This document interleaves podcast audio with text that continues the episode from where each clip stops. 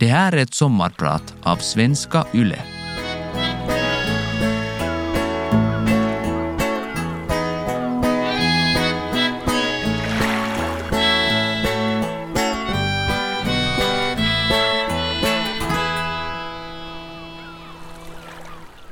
Då jag tänker på det svenska språket ser jag två hus framför mig.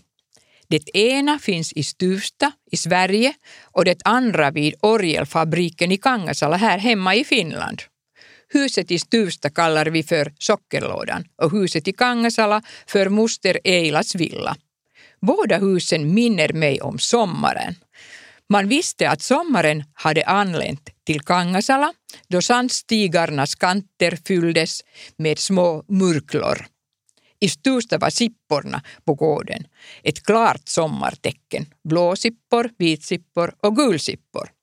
Småningom började äppelträden blomma och trädgårdens bärbuskar mogna. Sist kom blåbären. I båda husen bodde samma familj, min moster Eila och hennes ungerska man samt barnen Monika, Peter och Kristine, mina kusiner. Då det kommer till språk är barn de bästa lärarna och man måste helt enkelt tala för att lära sig. Hurra för mina äkta svenska kusiner! Som liten flicka kunde jag inte ana hur stor nytta jag skulle ha av det svenska språket senare i livet, speciellt i mitt arbete som journalist. Det har varit nyckeln till många spännande människomöten, bland annat med Astrid Lindgren och Ingrid Bergman. Ja, och så har jag också övat svenska med president Urho Kekkonen. Jag heter Marit Tyrkö, jag är journalist och författare och det här är mitt sommarprat om möten med spännande människor. Som barn besökte jag ofta mina svenska kusiner i Stuvsta. Jag minns då jag första gången gick till en kiosk för att köpa choklad. Det kändes både nervöst och exklusivt. Tänk om jag inte kunde uttala choklad. En gång fick jag i uppgift att föra mina yngre kusiner till simskolan. Jag hamnade själv i vattnet och försökte hållas flytande. På svenska.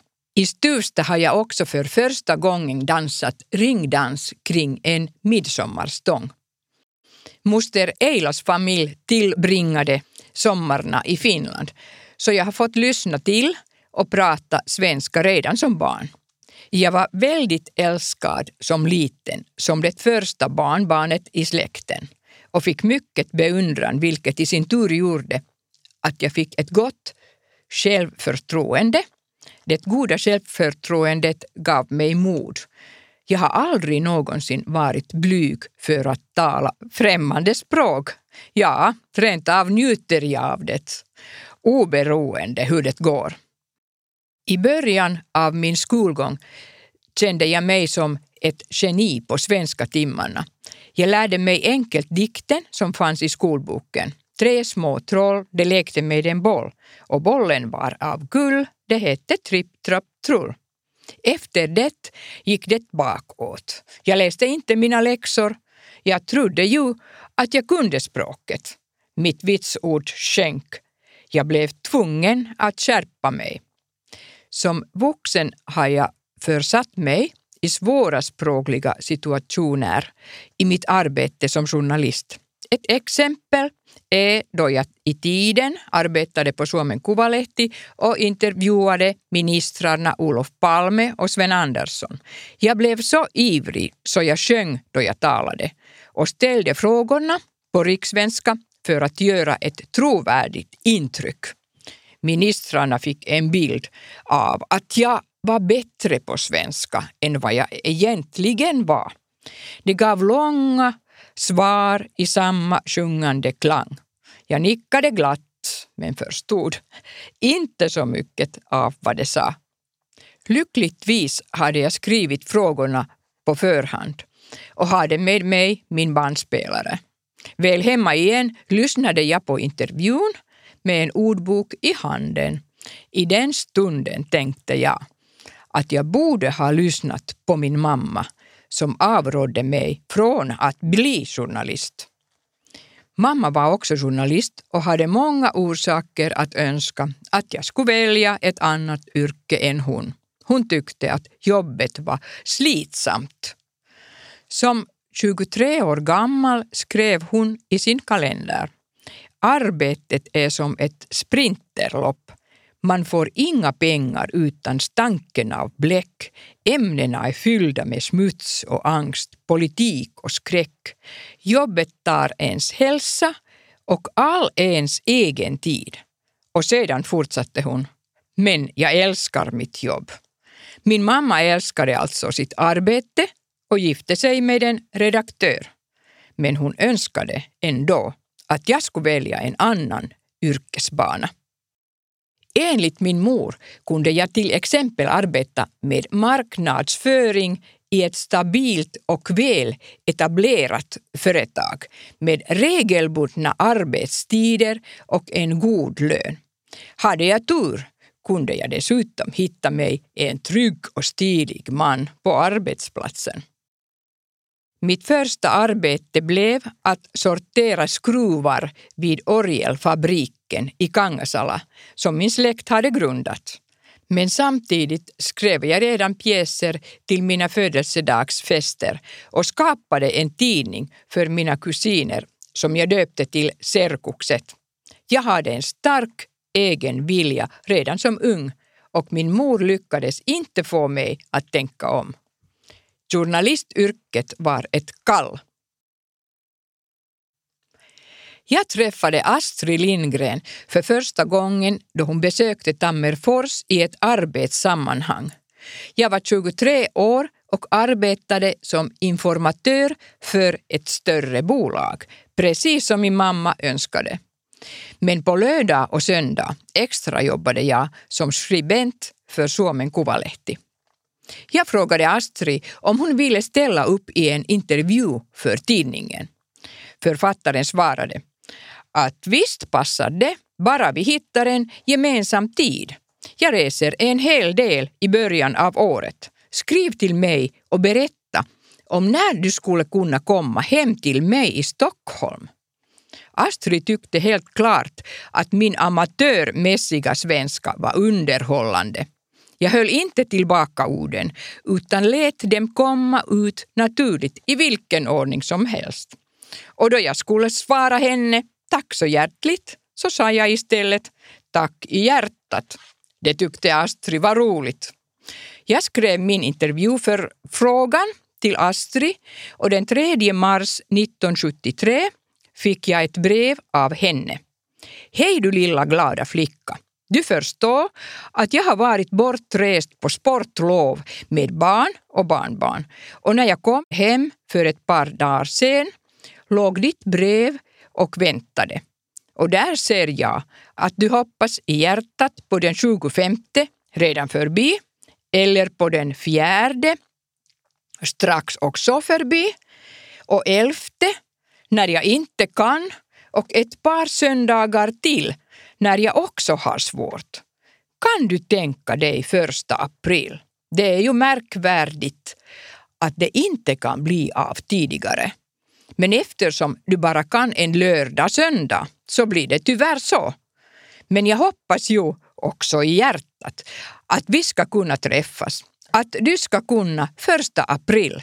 Sen kan du komma simmande eller flygande, hur du bäst tycker. Skriv en rad igen om första april inte passar, så får vi gå vidare i almanackan. Hej och hoj, lari lari la, Astrid. Jag svarade att datumet hon föreslog passade och Astrid skrev. Marit Hellurei, om du kommer till mig den första april klockan två så kan vi dricka lite kaffe tillsammans och prata. Om du får något förhinder så skrik till. Skriver med handen på hjärtat. Jag förberedde mig på den kommande intervjun genom att gå till biblioteket. Jag lånade alla böcker av Astrid Lindgren som var lediga. Det blev tre kassar fulla. Vissa av böckerna var inte översatt till finska, men jag hade ju tänkt göra intervjun med Astrid på svenska, så det var bra med lite övning. Jag läste på om hennes liv och karriär. Jag beundrade hennes sätt att klara svårigheter och hennes förmåga att arbeta mot sina mål.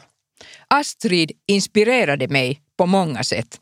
Jag hade liknande drömmar att lära mig att skriva, också sagor, livnära mig som journalist och författare, älska och bli älskad. Jag minns så väl då jag ringde på dörrklockan till Dalagatan, där hon bodde. Dörren öppnas av en författare som har på sig en skjorta mönstrad med små rutor i vitt och rosa. Jag stiger in i hemmet som också är inrett med mycket vitt och rosa. Astrid Lindgren ler. Det är som att träffa en gammal vän. Jag trycker på knappen och inbandningen börjar. Vi talar om det ena och det andra, vi går igenom Astrids tidiga karriär. Jag är nyfiken på att få höra från henne själv om hennes brokiga bakgrund, men hur hon ändå lyckades i livet. Jag vill höra allt om hur hennes författarskap började och vad hon tänkt skriva som nästa. Brevväxlingen före intervjun med Astrid tog ner nervositeten. Det var en ära att få träffa henne. Författaren var förundrad över min entusiasm och jag var som hennes Pippi Långstrump, modig, stark, glad och lite av en allvetare. Då jag träffade Astrid kunde jag inte ana att mitt yrkesliv skulle gå i en liknande bana som hennes.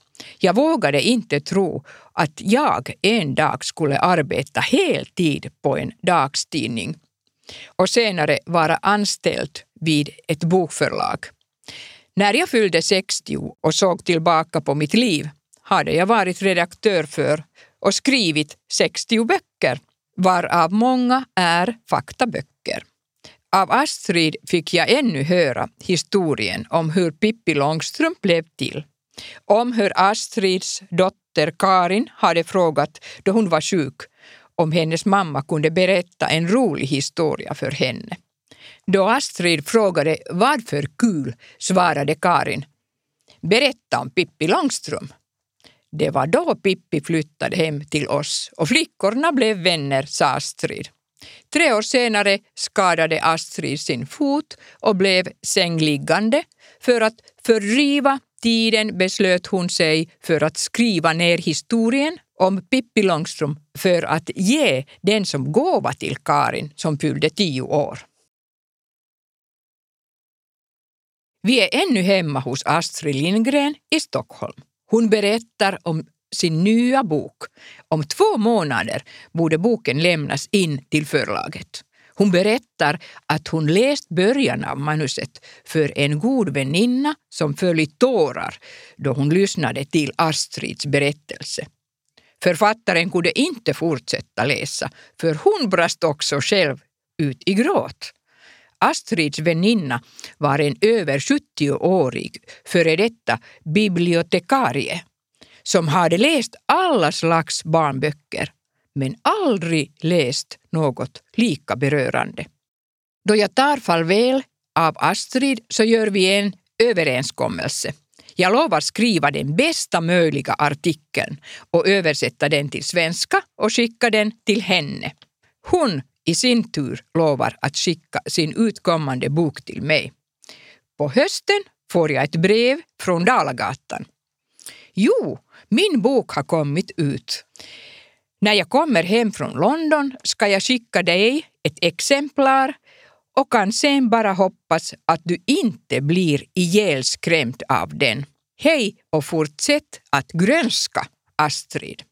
Snart ramlar boken in genom min postlucka. Bröderna Lejonhjärta. Så hände det som Astrid sade. Jag grät mig igenom berättelsen om de modiga bröderna Jonathan och Skorpan, om döden och livet efter döden i det vackra landet Nangiala. Jag är 71 år gammal och blir fortfarande rörd av berättelsen.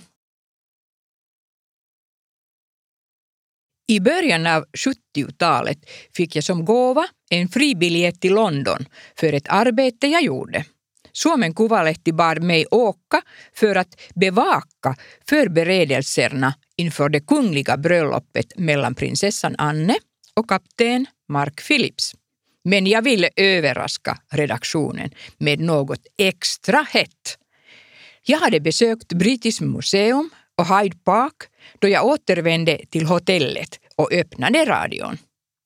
Veckans mest omtalade premiär äger rum imorgon på Alberiteatern. Den svenska skådespelaren Ingrid Bergman spelar huvudroll i Somerset Mohams föreställning The Constant Wife. Min journalisthjärna vaknade genast. Tänk om jag hade en chans att få en intervju med henne. Jag gjorde upp en plan och redan samma kväll gick jag till teatern för att bekanta mig med stället. Följande dag skickade jag röda rosor till Ingrid Bergman. Med rosorna lade jag ett brev. Jag skrev på svenska att jag önskar träffa henne för att ställa några frågor. Jag nämnde också att jag är en finsk journalist. Samma kväll när jag återvänder till hotellet har jag ett meddelande som väntar i receptionen. Ett ringbud från Ingrid Bergmans sekreterare. Ingrid Bergman har en timme tid innan nästa föreställning. Du får de första 20 minuterna. Kom då! Oj, det kändes jättefint. Dagen då jag skulle intervjua Ingrid Bergman går jag i tid till teatern tillsammans med en fotograf som jag snabbt har hittat via Finlands ambassad. Vi tappar bort oss i teaterns smala korridorer medan vi söker efter Ingrid Bergmans lås. Överallt finns rosor och orkidéer. Doften är underbar. Vi går tillbaka till teaterns aula och i samma stund träder en lång och vacker kvinna in. Jag kände direkt igen henne, hennes utseende, röst och skratt. Hon var så otroligt stilig i riktiga livet. Mötet i aula var inte lika hemtrevligt som mötet hos Astrid Lindgren på Dalagatan. Nu var jag ute i stora världen. Ingrid Bergman kommer fram till mig och säger ni är väl den finska journalisten? Välkommen! Jag tycker att det är roligt att få tala mitt modersmål igen. Annars skulle jag inte ha tagit emot er. Jag var nervös, men nu måste jag vara modig. Nu gällde det att snabbt hitta de svenska orden. Speciellt knepigt var det då jag inte hade kunnat förbereda mig på intervjun så mycket som jag önskade. På den tiden fanns inget internet. Nu måste jag bara våga. Jag måste fokusera på stunden och på just den här föreställningen.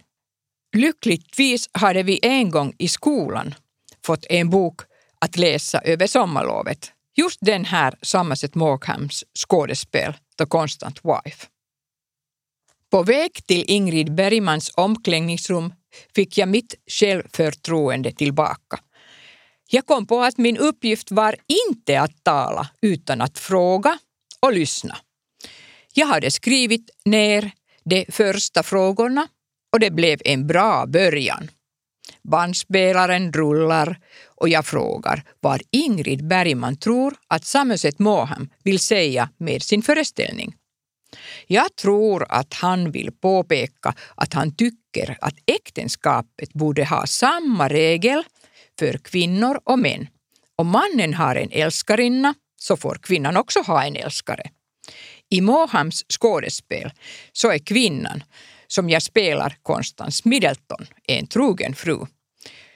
Hon vill förtjäna sin egen inkomst. Hon tänker så här. Så länge som min man försörjer mig så är jag trogen honom. När jag har tjänat egna pengar så betalar jag för mat och boende. Men då måste jag också ha rätt att ha en älskare. Här har författaren helt rätt. Han talar för kvinnors rätt, säger Ingrid Bergman. Ingrid var på ett strålande humör.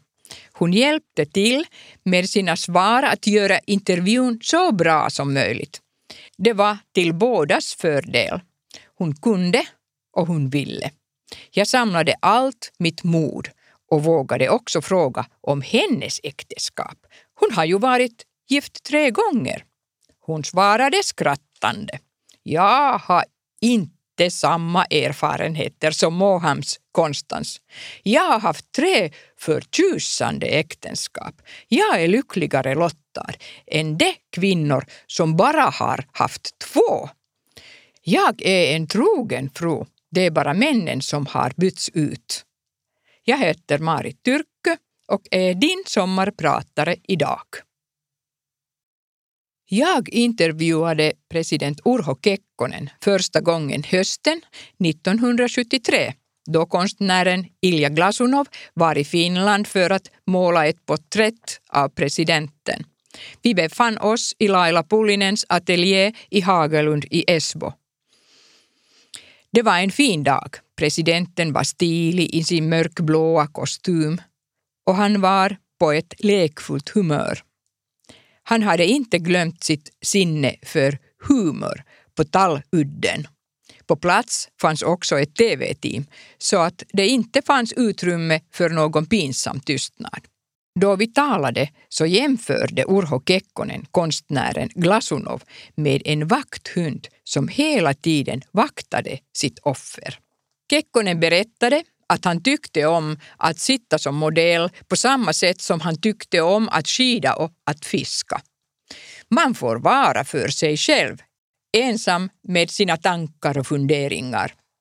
Jag tyckte om presidents sätt att uttrycka sig. Det blev en intressant artikel. Jag fick direkt en bra känsla för hans språk och hans personlighet. Om du frågar mig om jag blev förtjust och om presidenten gjorde ett starkt intryck på mig, så svarar jag att respekten för honom bara växte. Och ja, visst blev jag förtjust. Det var början på en lång och djup relation. Jag var 47 år yngre än presidenten, nyfiken och intresserad av allt, redo att hjälpa till. Det var sommaren 1975 som samarbetet med president Kekkonen tog fart. Förtroendet och vänskapen växte. På sommaren reste presidenten till mellersta Finland för att samla kraft inför den kommande europeiska säkerhetskonferensen. Han besökte sin gode vän Richard Rikke Sotama och hans fru Aimi och jag följde med presidenten. Sommaren var vacker. Presidenten fiskade i Sikakoski, gjorde båtutflykter till Kapusari, simmade och badade bastu. Aimi tillredde goda måltider av fisk och sommargrönsaker. Till efterrätt blev det smultron. Vi arbetade med boken Iloista kyytiä päämiehen mukana Kairassa ja Tunturissa, som jag var skuggskribent för. Jag läste högt ur manuset där hans vänner berättade om deras gemensamma utflykter. Det sägs att han var den första ute i skidspåren och fick alltid de största fiskarna. Och det var ju sant. Allt som allt följde sex liknande idylliska somrar tillsammans med presidenten, som jag kallade för OK.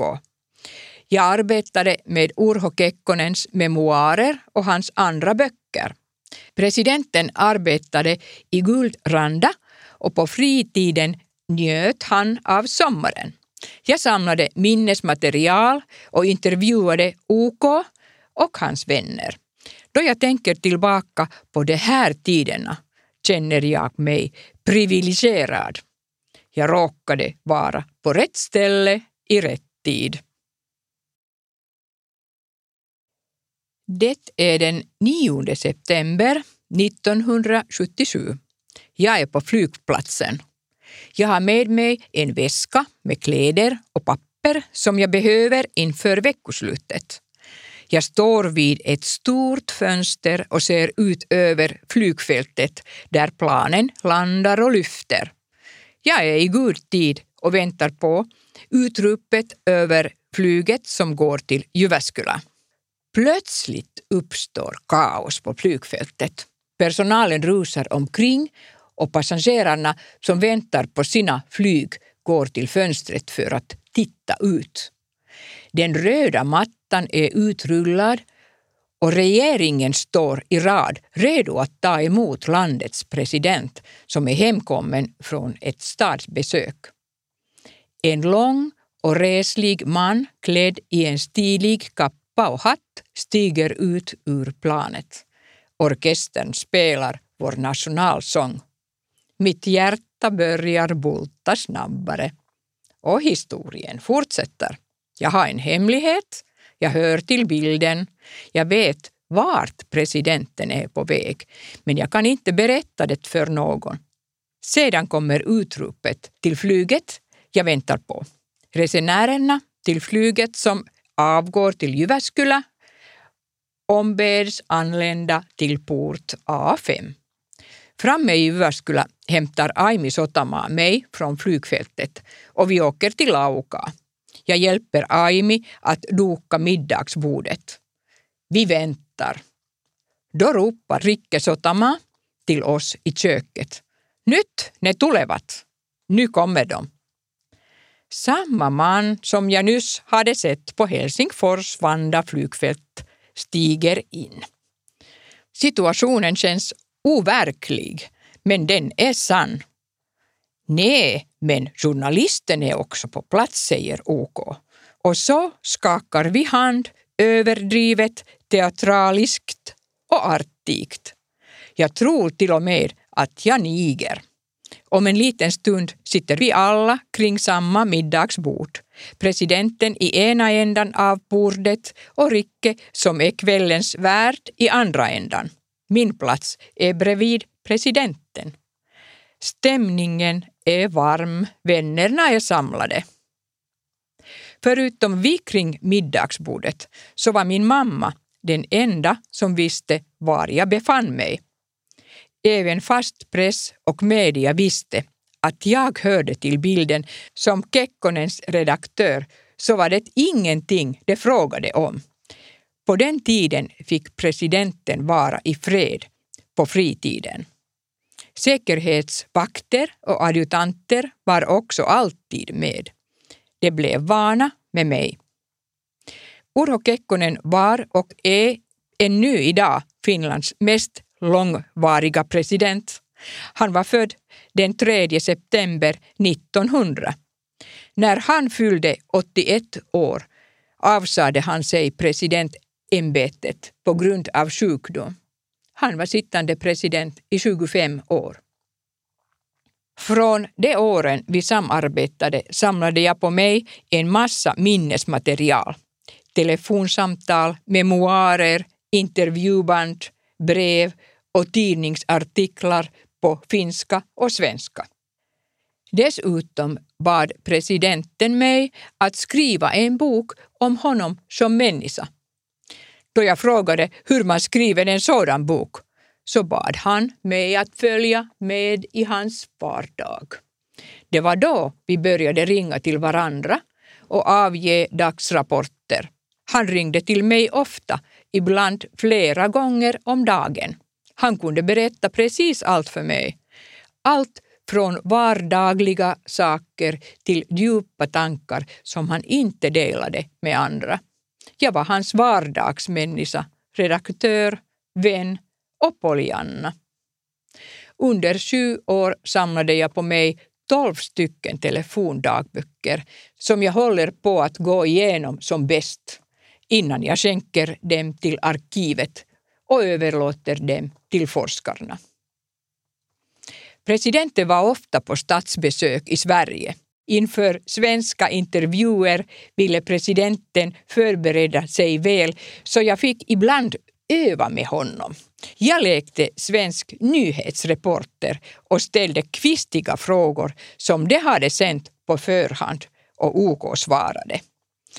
Presidenten talade gärna svenska och framför allt så läste han gärna svenska tidningar. Många nyheter kom på den tiden från Sverige till Finland. En gång fick jag två dikter av presidenten som han hade klippt ut ur Hufvudstadsbladet eller Dagens Nyheter. Den ena dikten lade jag i min senare utkomna bok som motto. Dikten hette Dig och den är skriven av Rolf Säfström. Dagen är lång utan, men allt för kort med. Vägen till känns nära, vägen bort från är lång. Mötet med är underbart, skiljas från är svårt. Dagen är lång utan, men med blir det aldrig natt. Jag fick också ett brev där OK skrev ungefär så här. Jag litar på dig lika mycket som jag litar på mig själv. Jag är snart 76 år gammal. Om man i den åldern tänker skriva memoarer bör man komma ihåg att döden är en naturlig del av livet och den närmar sig dag för dag. Allt det material som är samlat för mina memoarer är i dina händer och det finner jag lyckligt. Du har förnuft och förmåga att avgöra hur man förvaltar och använder materialet på bästa möjliga sätt, om jag själv inte hinner. Med det här löftet har jag skrivit mina böcker och överlåtit mitt material vidare till forskare. De senaste åren har jag åkt omkring i Finland i bibliotek och skolor för att berätta om mina upplevelser om president Urho Kekkonen som människa. Förra sommaren var jag på en vandringsresa på ön Leros tillsammans med mina finlandssvenska vänner. Redan första dagen kom Kristin Schilt som är bosatt på ön och hälsade på oss. Vi besökte också hennes hem i Villa Kolkis och vi blev vänner. Solen sken, vattnet var turkost och blommorna lyste med sina granna färger mot de vitkalkade husen. Vägarna slingrade sig upp mot bergen och vi promenerade med våra ryggsäckar på ryggen i otroligt vackra vyer. Jag gick där i solen och tänkte på mitt liv från små mulklor vid moster Eilas villa i Kangasala till apelsinträden i Grekland som var helt gula av all mogen frukt. Och på alla intressanta människor jag fått möta i mitt liv. Jag är tacksam över att jag under min karriär fått jobba en del på svenska och ännu idag försöker jag upprätthålla mina språkkunskaper. Jag talar inte en perfekt svenska, men jag tror att jag gör mig förstådd. Lär er språk. Det berikar. Tack för att du lyssnade till mitt sommarprat. Jag är Marit Tyrkö och önskar dig en riktigt skön sommar med granna färger och glädje.